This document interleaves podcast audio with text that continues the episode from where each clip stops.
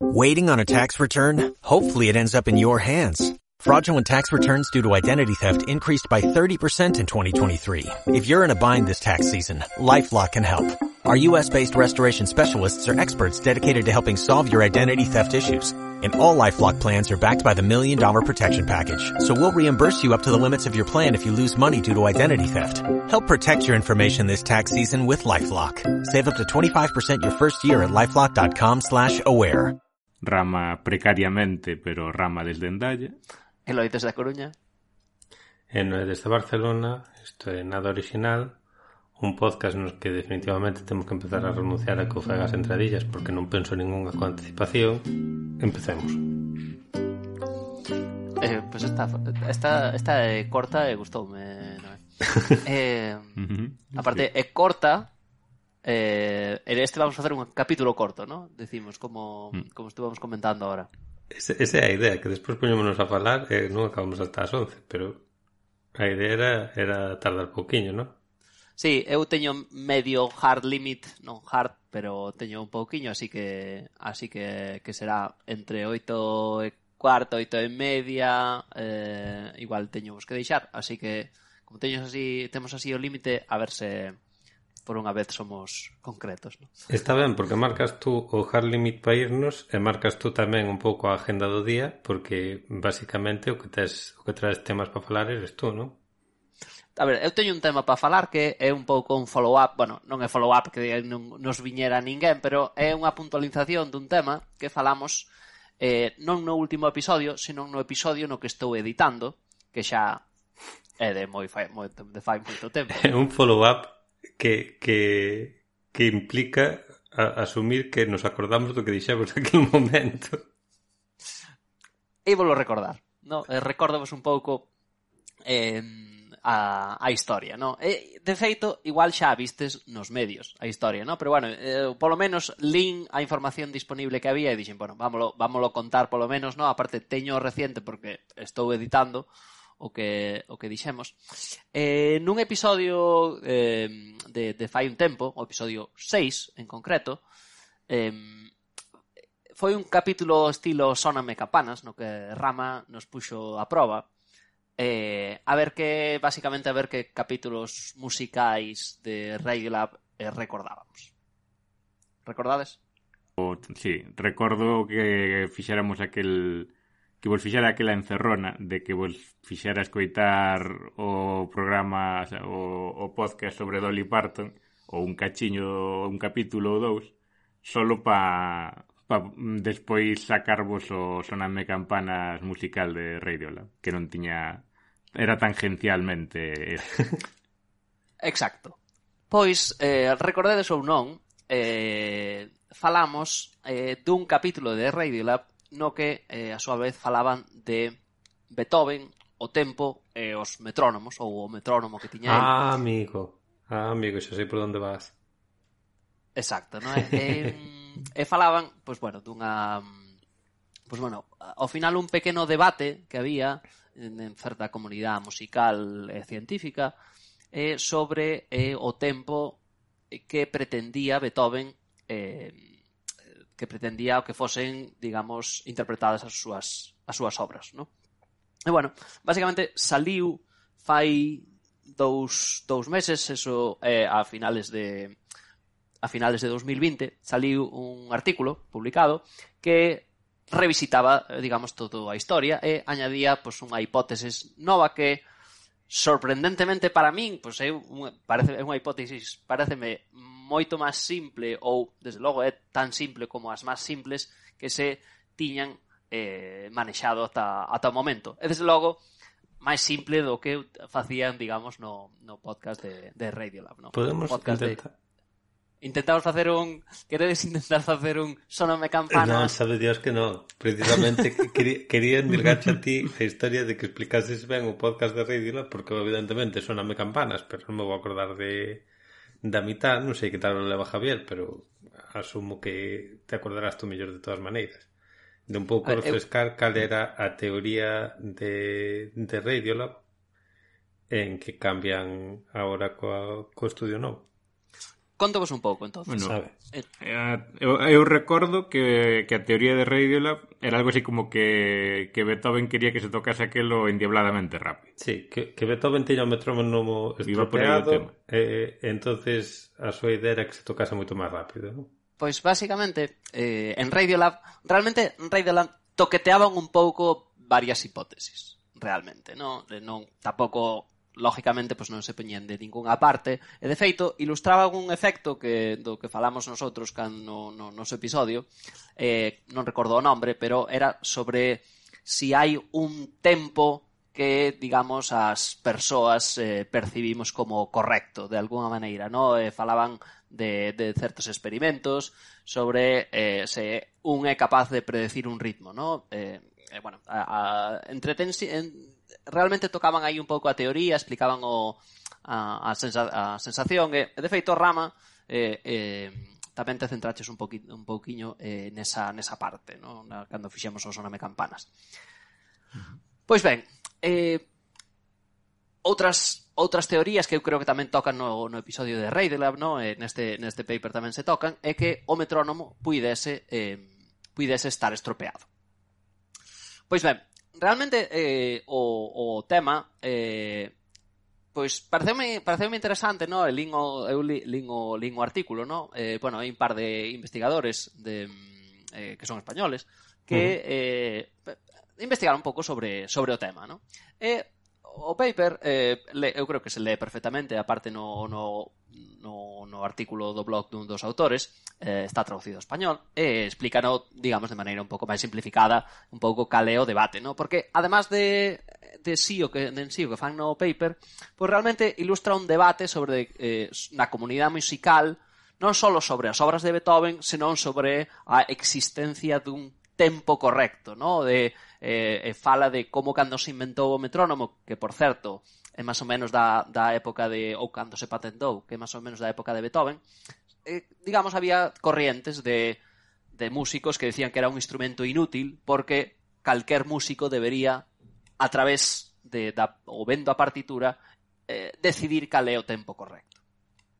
Entonces, todo ese debate de se hai un tempo correcto ou non, ou é unha cousa arbitraria que debe decidir o, o, o compositor, o compositor ou imagino que hai pensa que hai xente que pensará que o que, que o intérprete, que, o que, que o intérprete ou o director de orquesta é quen ten que decidir, no? pero sobre a arbitrariedade ou sobre o absoluto dun tempo correcto, é todo un debate que, ao parecer, hai, no? Eh, esto simplemente o, do, o metrónomo de Beethoven é simplemente un pouco eh, un, un non sei, un, un, un, un un punto moi concreto no, neste debate. No? Pero bueno, eh, estou, estou divagando un pouco e eh, vou vos contar o que fan no paper, que me parece bastante, bastante interesante. No paper, eh, en primeiro lugar, unha das cousas que fixeron é que colleron grabacións desde 1940 que, que de, de, de interpretacións de obras de, de, de Beethoven e, digamos, pues describen aí os algoritmos que fixeron, pero tratanos de maneira automática, ¿no? Entonces, eh, eh, eh, con, con, con eses algoritmos, basicamente, identifica unha certa, eh, un certo tempo para esas distintas interpretacións, ¿vale? Además, clasifican según se o director de orquesta era historicista, ¿no? De que se quere ceñir eh, ao digamos, ás notas de, de Beethoven ou se é romántico, ¿no? Eh, romántico é máis ben de que eh, hai un tempo eh, que, que todo mundo debería, digamos, eh, saber saber interpretar, ¿no? E entón fan un análisis primeiro deses datos, ¿no? Ao final eh, clasifican, é interesante algún dos gráficos que dos gráficos que teñen, pero bueno, ao final a, a min polo menos acaba me parecer un pouco un continuo, ¿no? Eh, hai algún historicista que non non non coincide co seu grupo, debería estar eh, e viceversa, é ao revés, ¿no? Eh, eso por unha parte. Pero para que entendamos, eh, eh, a idea é que os historicistas tocan o máis rápido e os románticos inter... van un pouco a voleo ou cal é a, o sea, cal, cal, cales son as, as A medias, premisa ¿no? antes de analizar é que os historicistas deberían ir máis rápido e os románticos deberían ser un pouco eh, pois unha variable aleatoria, se queres, ¿no? Porque cada un mm. saliría o que fose, ¿no? Sin embargo, os historicistas deberían ir máis ses... polo, como mínimo máis sesgados hacia máis arriba, que era sí un pouco o que parecían indicar as notas de, de Beethoven. Como xa vos digo, unha cousa era a intención que tiñan ou que declaraban e despois o que sale tras o análisis de, do audio o análisis dos datos de maneira automatizada, no? Eso que, que pues, quería decir que non é tan como que non hai moitos grupos, no? Se se, se, se, se, vis, se virades as, as gráficas seguramente non acertabades quen é historicista e quen é romanticista e quen é romántico porque ao final pues, bueno, sale un pouco un continuo pero bueno Eso parece unha parte interesante, pero non entra moito no debate sobre que lle pasaba a Beethoven. Eh, eh, entonces, además de eso, fixeron un modelo mecánico realmente, relativamente simple, No, pero non é un péndulo, non é o péndulo simple de, de primeiro de bachiller ou, de, ou da secundaria que nosotros facemos, porque, bueno, introduciron tamén términos de fricción, esas cousas, pero, bueno, non deixa de ser un modelo eh, simple, introduciron a masa do, a masa do, da, da, da barra do metrónomo, esas cousas. E unha das cousas que tamén descartan, de alguma maneira, é certos eh, defectos no metrónomo que, que foron, digamos, o núcleo de hipótesis anteriores. Entón, co ese modelo, eh, eso un pouco descartan. Por que descartan? Porque ese tipo de eh, defectos deberían ter uns, uns efectos eh, eh, non lineales según a frecuencia a que estamos. Estamos moi abaixo ou se estamos máis arriba, porque ao final, pues, digamos, son obras son obras complexas e non digamos, eh, non, non van sempre ao mesmo tempo, ¿no? Entonces, esas disparidades de, de tempo deberían notarse can, eh, de distinta maneira eh, según a frecuencia a que estemos. Vale. Entonces, eso xa é un traballo de alguma maneira que descartan. Ao final, vendo eh, o análisis dos, deses, deses datos e eh, o análisis do, mode, do, do modelo, o que acaban vendo é que a disparidade é unha disparidade como moi eh, constante eh, no sentido eh, constante e que non varía eh, non varía según a frecuencia. Constante para cada unha das interpretacións, onde que poden variar entre elas. A explicación máis sencilla, ao final, é, eh, despois poñeremos o, a imagen no, no, nas notas do capítulo, é que Beethoven estaba lendo mal o metrónomo, porque era un instrumento que estaba Muy eh, novo. Eh, era era novo para a comunidade. Básicamente eh, se se poñeremos a imaxe, no, pero eh se vos imaginades un metrónomo pois ten, ao final ten un, é un péndulo cunha masa, no? un péndulo invertido, se queredes, no? e ten unha masa. No? Esa masa ten unha longitude, medindo na, na dimensión da longitude do péndulo. Sí? Sí, un pouco, uh -huh. sí, cor, sí. E o vendo polas eh, polas imaxes da, da patente e das de, e, bueno, e das descricións que había do, do péndulo de do péndulo de Beethoven, pois parece apuntar hacia baixo. Pero realmente o que había que medir era o que estaba por encima eh, da masa. Por eso, eh, Beethoven estaba mirando para o que parecía apuntar, porque é un, tra é un trapecio, se queredes, a, a masa. Eh, simplemente esta cousa, eh, digamos, eh, eses, eses 12 de eses 12 que, eh, que non sei o que será, eh, non que sei o que serán directamente, no, pero esa medida entre 108 e 120, que é un pouco dan unha das anotacións máis eh, máis máis complexas de entender no no asunto, eh 108 oder alemán, 120 é simplemente, digamos, a longitude que ten esa masa que, que fai o péndulo do metrónomo.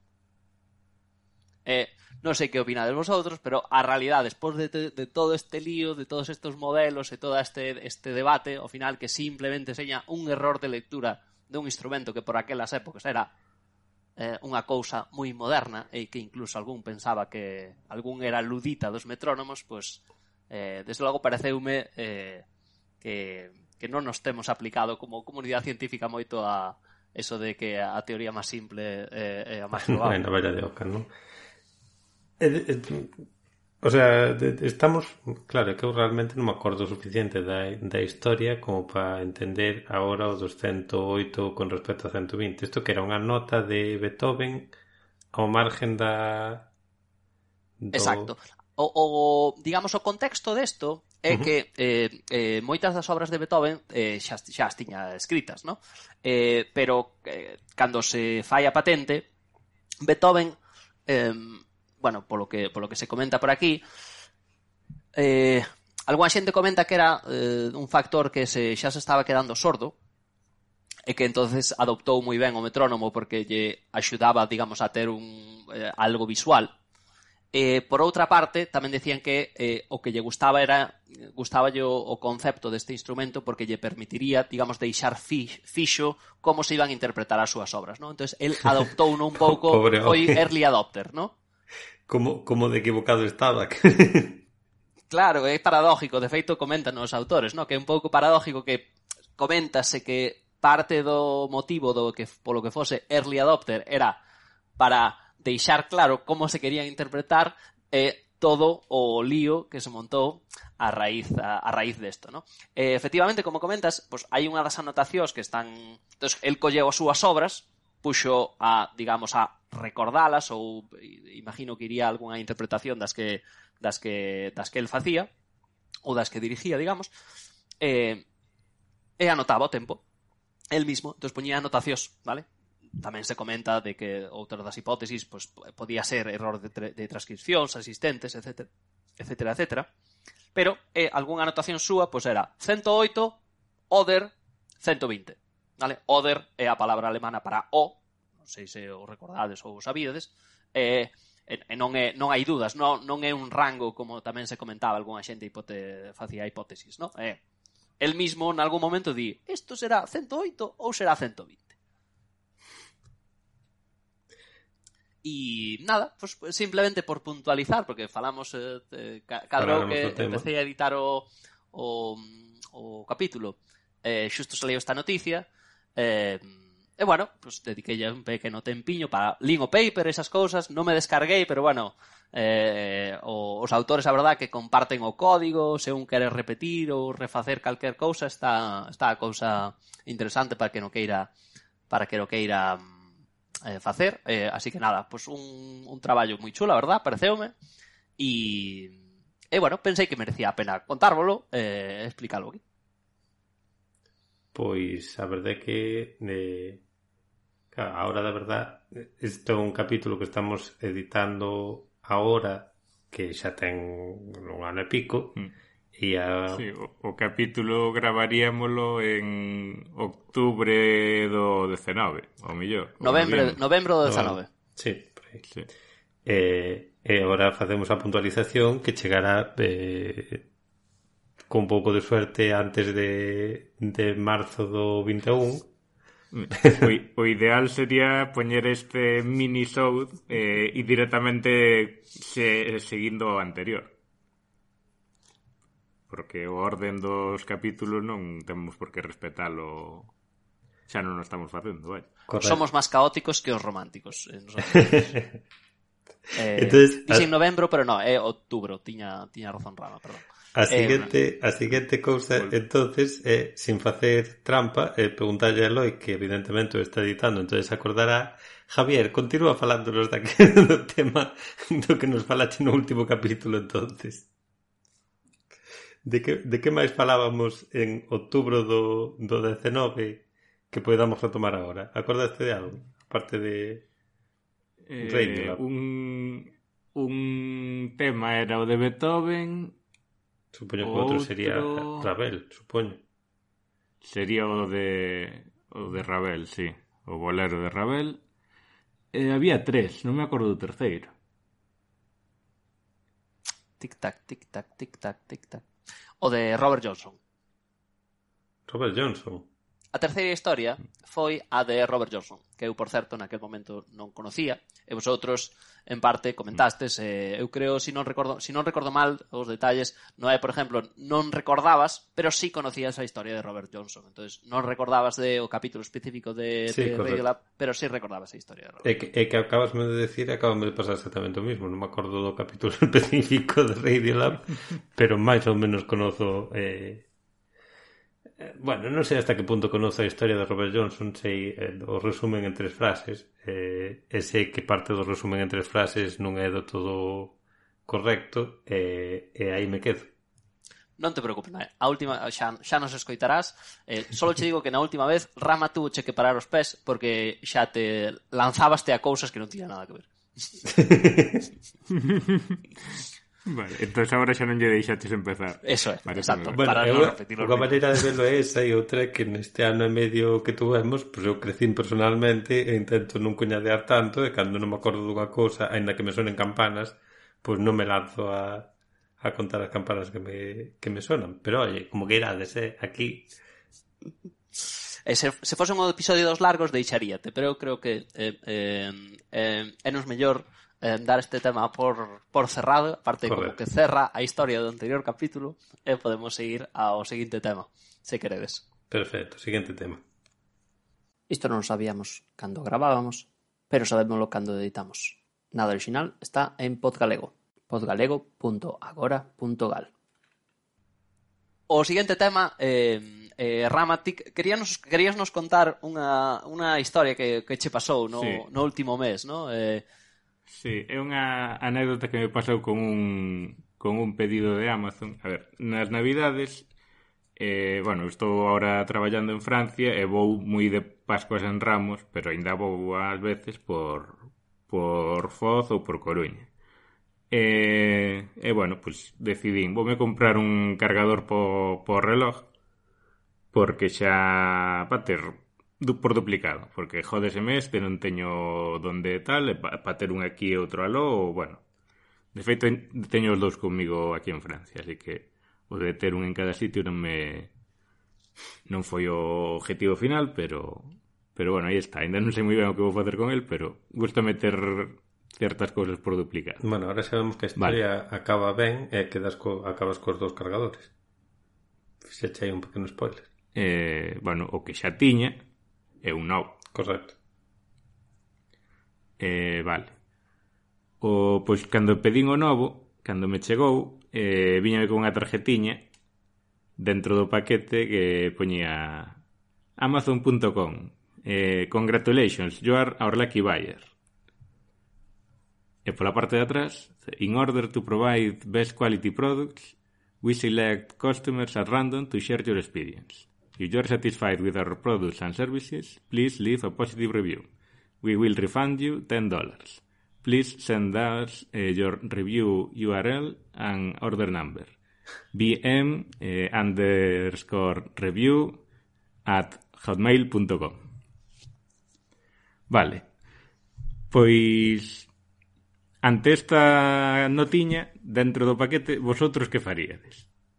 Isto é... Eh. Unha dirección de hotmail.com Eh, pero bueno, chegou vos o produto que pedíades e todo correcto. Pero, o sea, isto é un vendedor que che vende a través de Amazon, non é que seña Amazon como tal, non? No, no. No, no, non era Amazon, era un, un, un vendedor que... Pero na tarjeta só pon amazon.com e non, non se identifica outra empresa. Eh, o sea, a pregunta é que faría moralmente de vender a miña opinión sí. por, por 10 euros ou se si te fiarías de andar mandándolle correos á empresa esta coas súas ambas. prácticas un tanto extrañas? Ambas, ambas, ambas eh, cuestiones me interesan. Eu, hemos venido a jugar. o, eu, mira, eu, primeiro conto vos o que fixen. Eu. eu, eu vendo a miña a miña seguridade no meu correo por 10 dólares, me parece.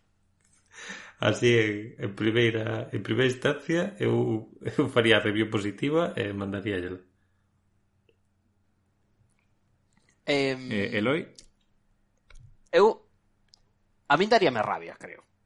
Sí. Daríame bastante rabia e creo que se si non ten caducidade eso, creo que só faría a review positiva se, se me se, se estuvese contento. Porque, eh, Javier, tú normalmente faz reviews dos produtos que compras en Amazon. Esa é a primeira pregunta. Eu non fixen ningún nunca. Mm. Eh... Eu é a, prim é a primeira, vou vos contar o que fixen. Fixen a review e é a primeira review que fago en Amazon. Correcto. O sea, tú, eh... tú fixeche o mesmo que a mí. Sí. No, no, pero vou vos... Eh... Vou mandar o, o link da review. Eh... Sí. Vou la mandar aí polo, polo chat do Skype. Fixeche unha review positiva pero irónica. Bueno, fixen unha review.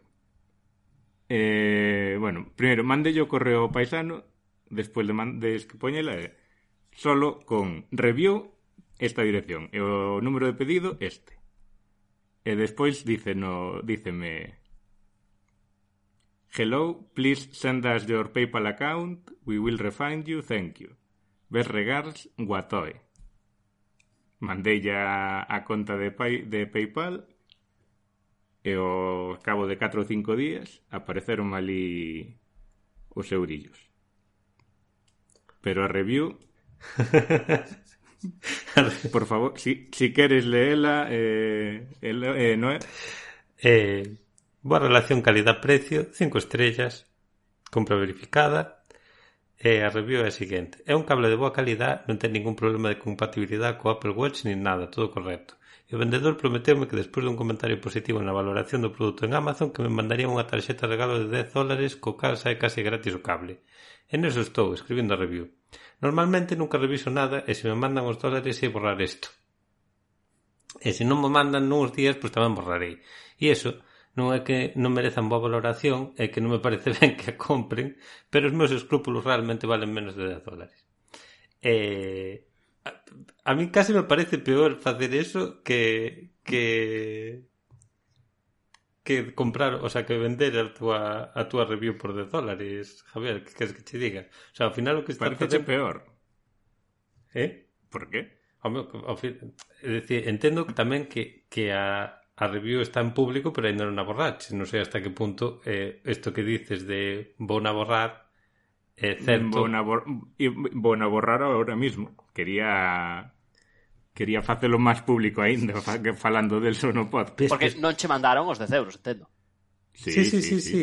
O sea, eles cumpliron cumpliron pola súa parte o que prometían. Totalmente. Eles dixeron, "Mándame unha unha review Positiva douche de cebos. Pode que non se molestaran simplemente en, en entender o idioma no que estaba. Sí, eso no, evidentemente, eles o que queren son as cinco estrellas e xa está. Correcto. Pero, joder, eles cumpliron. Tú podes non estar de acuerdo eh, en general coa... Non sei, coa moralmente co que fan, pero eles pola súa parte cumpliron. Tú agora estás pretendendo estafalos. No, eles pedironme unha review, eu, eh, unha eh, review positiva e eu fixenlles unha review positiva. E ahora vai a quitar. Bueno, pois eso, en eso te razón. É dicir, danche... Eles non dixeron que tiña que ser permanente. Home, Javier, eso é a letra da lei contra o espírito da lei. Eu que sei.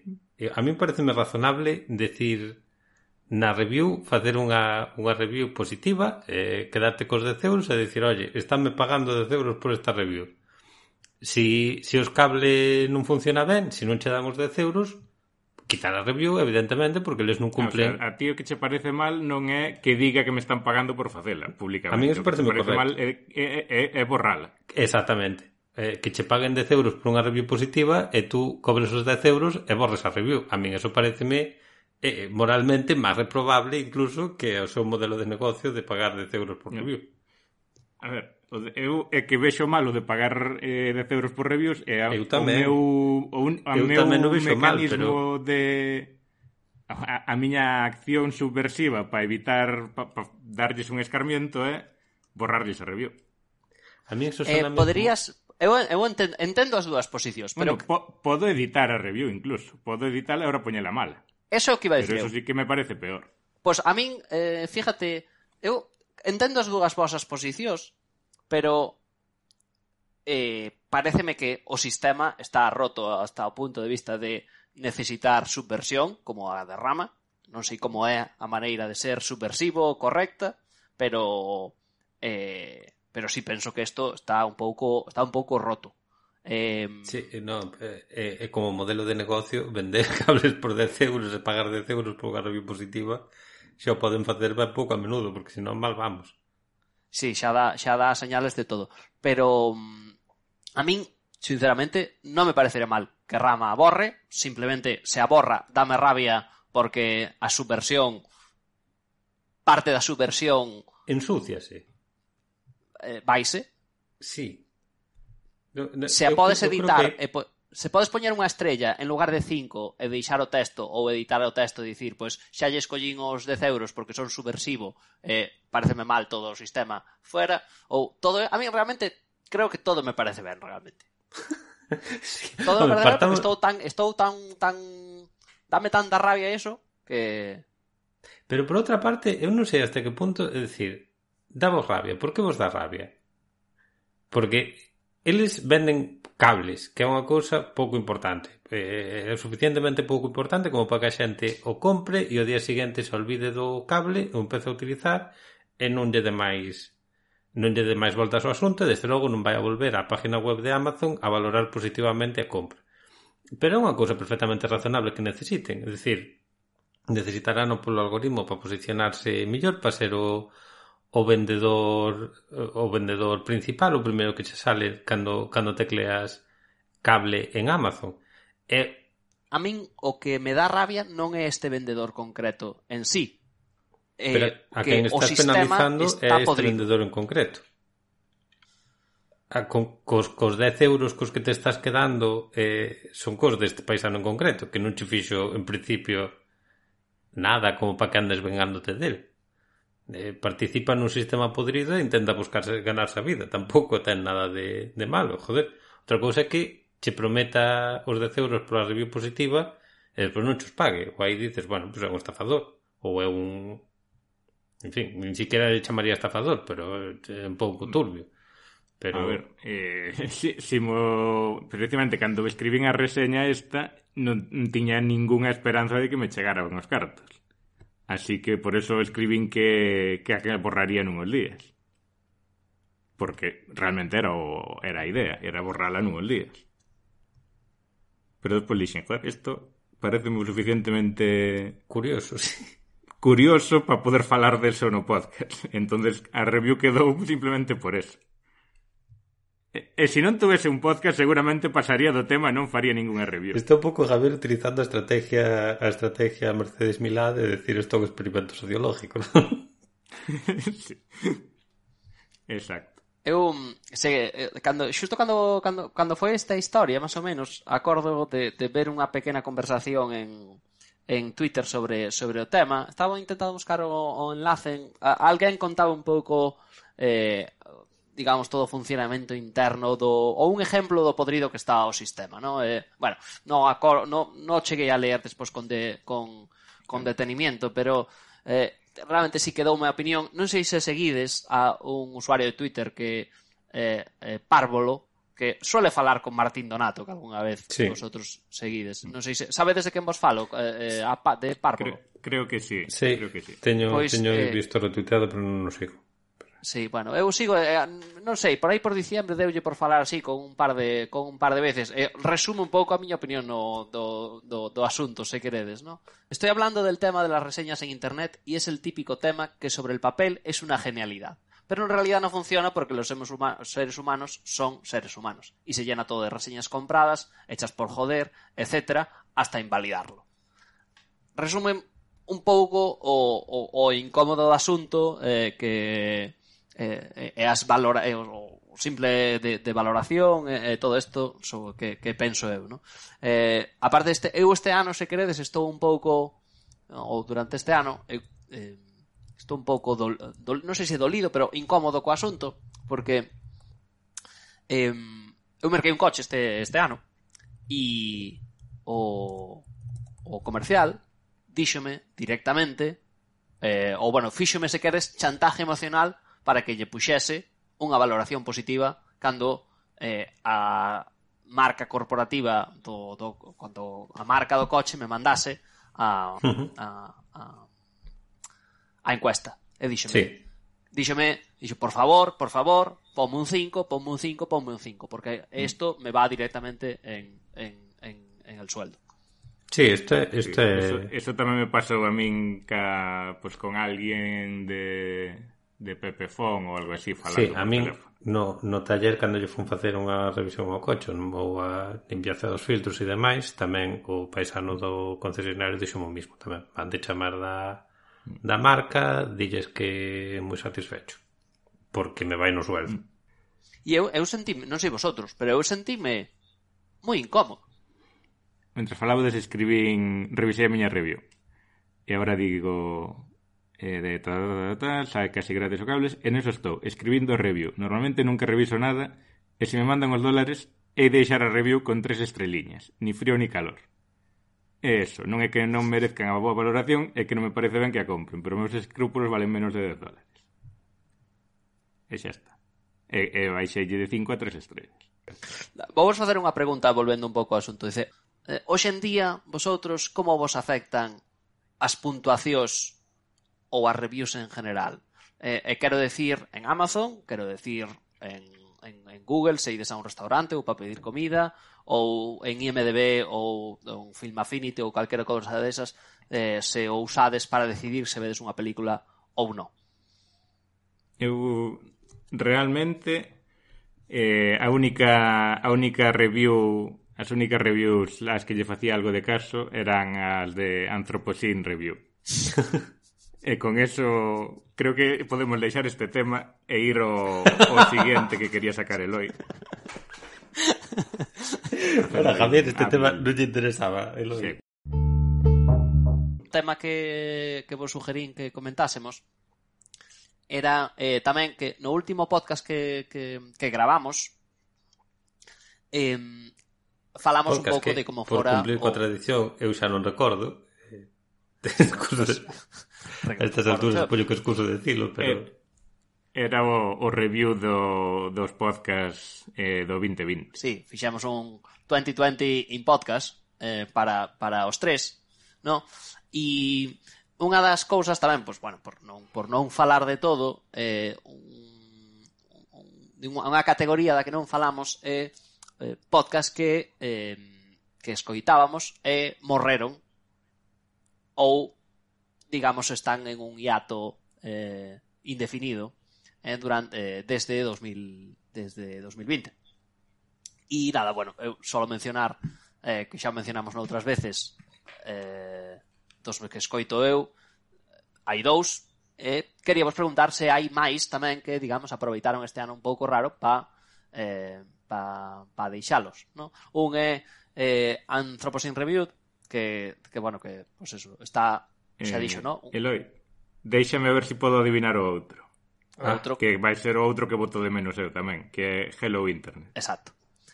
eh, eh, que bueno, vota, non sei, pois, non sei exactamente que dicir con votar de menos, non? Porque pode ser se votades, votades moito de menos. Podemos falar destes un, un pouquiño, pero hai algún outro que, que, que, que identificarades que estaba na vosa lista pero eh, que xa basicamente non publican? eu curiosamente eh, podo, podo mencionarvos un porque me parece que son como tres casos distintos de, de podcast facendo un hiato ou, ou, ou deixando eh, o caso de Anthropocene Review espero que seña eh, de, a mellor son eu eh, que estou sendo aquí optimista pero polo que entendín eh, a idea é que John Green está preparando o libro de, de Anthropocene Reviewed que salerá este ano eh, primavera creo e eh, o que ten que facer é editar os, as reviews que xa ten e non andar escribindo as novas e por iso fai un, unha parada no podcast pero eh, o que dice que intentará seguir seguir con el unha vez que, bueno, acabe de escribir o libro de máis. Eh, Hello Internet, sin embargo, foi unha parada que ten pinta de ser definitiva, sin explicarse moito e sin, e sin despedirse, pero levan un montón de tempo estaban gravando capítulos normalmente e houve un que foi o último e que non se soupo a partir de aí non se soupo máis deles, non? Sí, eh, eu deso podo, eu deso non é podo decir algo máis porque estou, quero decir, era estaba tiñaos en Patreon e pagáballes un eurillo ao mes, que me parece que era.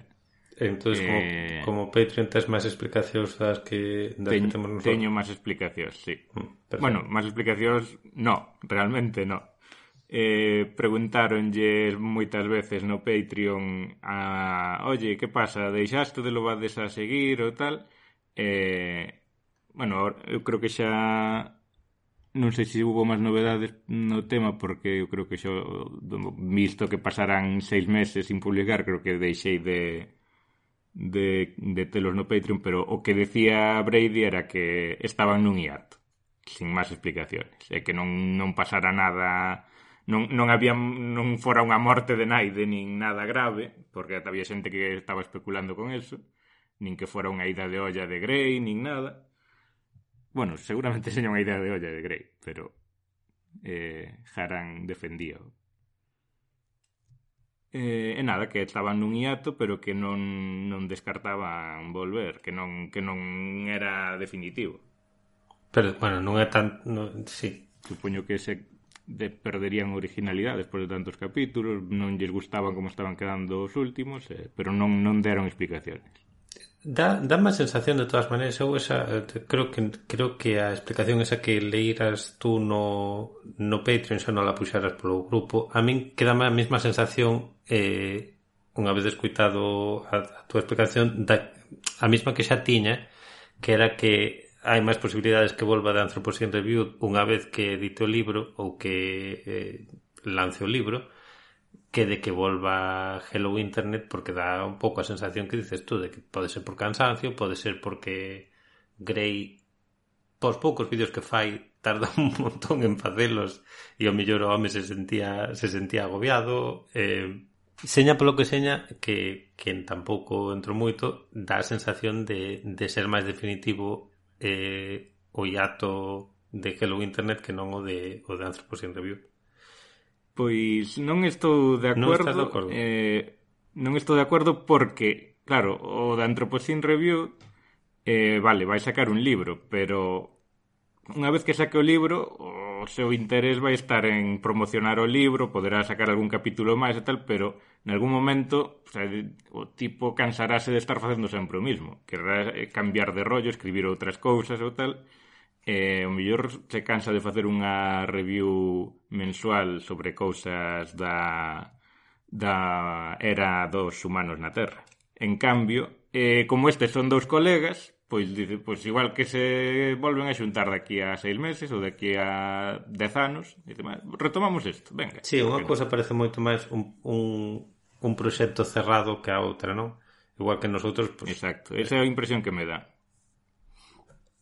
Hai outra cousa que me chama a atención, por certo, do, do libro, isto xa é tan esencial, pero eh, pasei vos o, o vídeo que fixo no seu canal de Youtube un pouco de promocionando o, o libro, eh, era unha review corta de eh, un vídeo corto so, cunha, cunha das reviews que escribiu para o libro.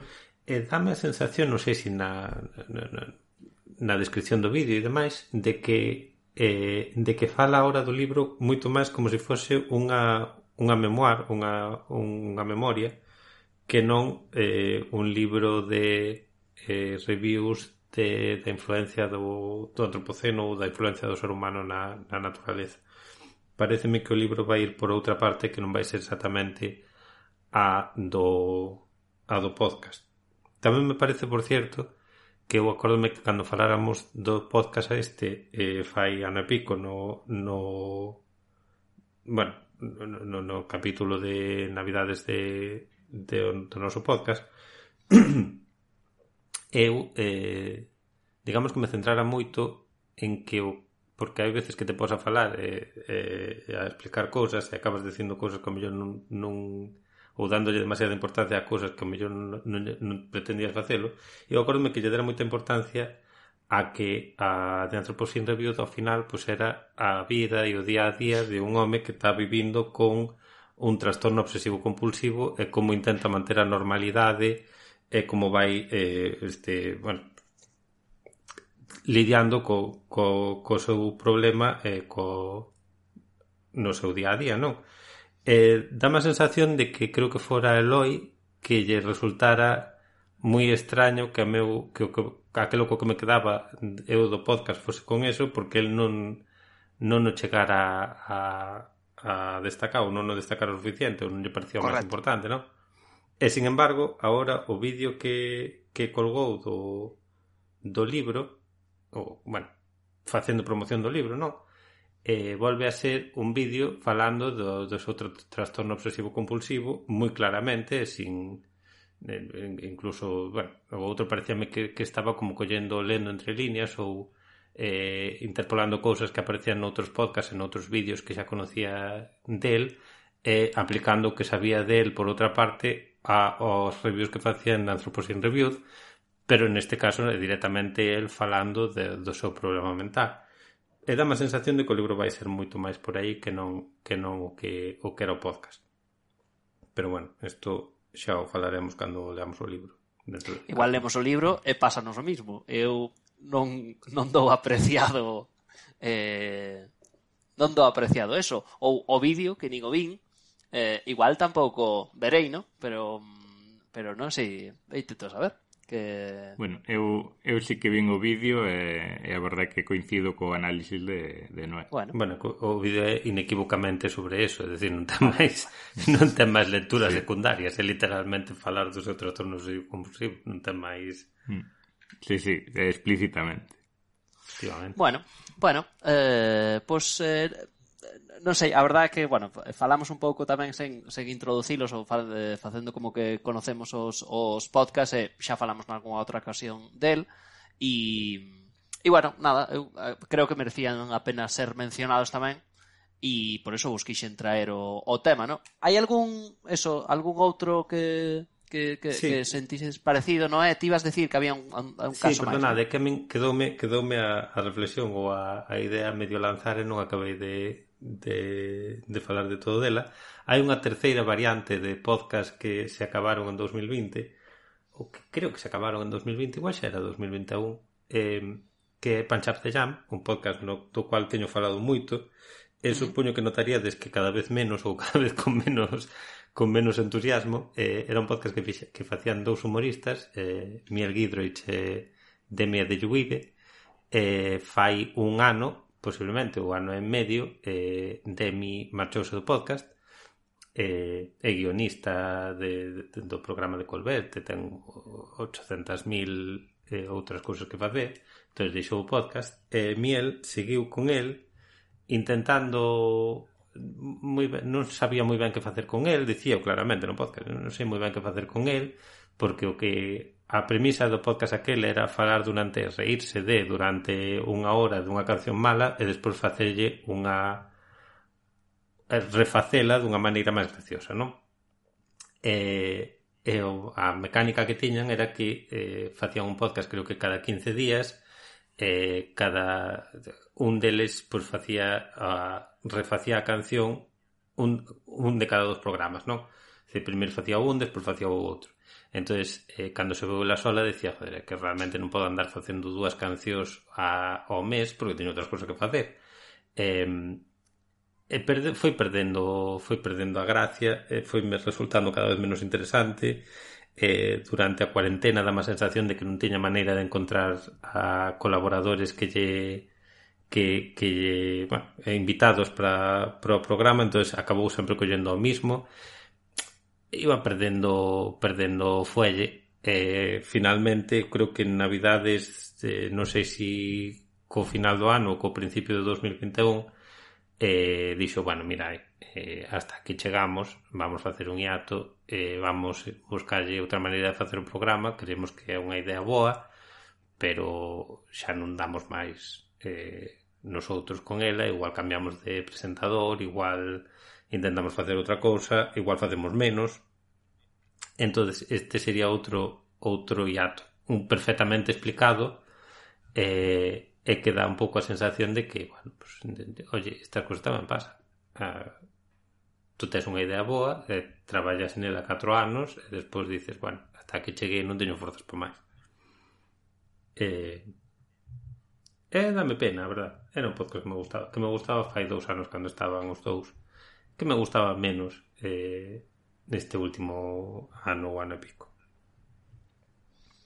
Bueno, igual cando volva aínda che gusta menos. Efectivamente.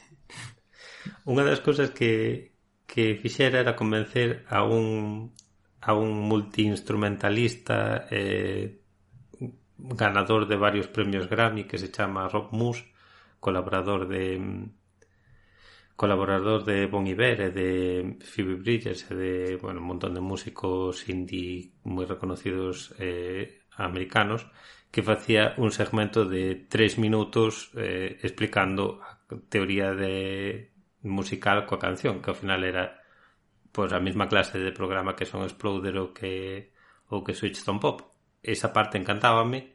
Si, si volve o programa e se sigue chamando Punch Up the Jam, pero solo son cinco minutos de Rob Moose explicando unha canción e porque lle parece mal, pois a mí valeríame. Pero, bueno, esta é a miña idea. Uh -huh. Que, bueno, que nadie ten queda. que respetar. Aí queda para quen queira facer algo con ela. Sí, ou para quen queira chamar a, a Rob Moose.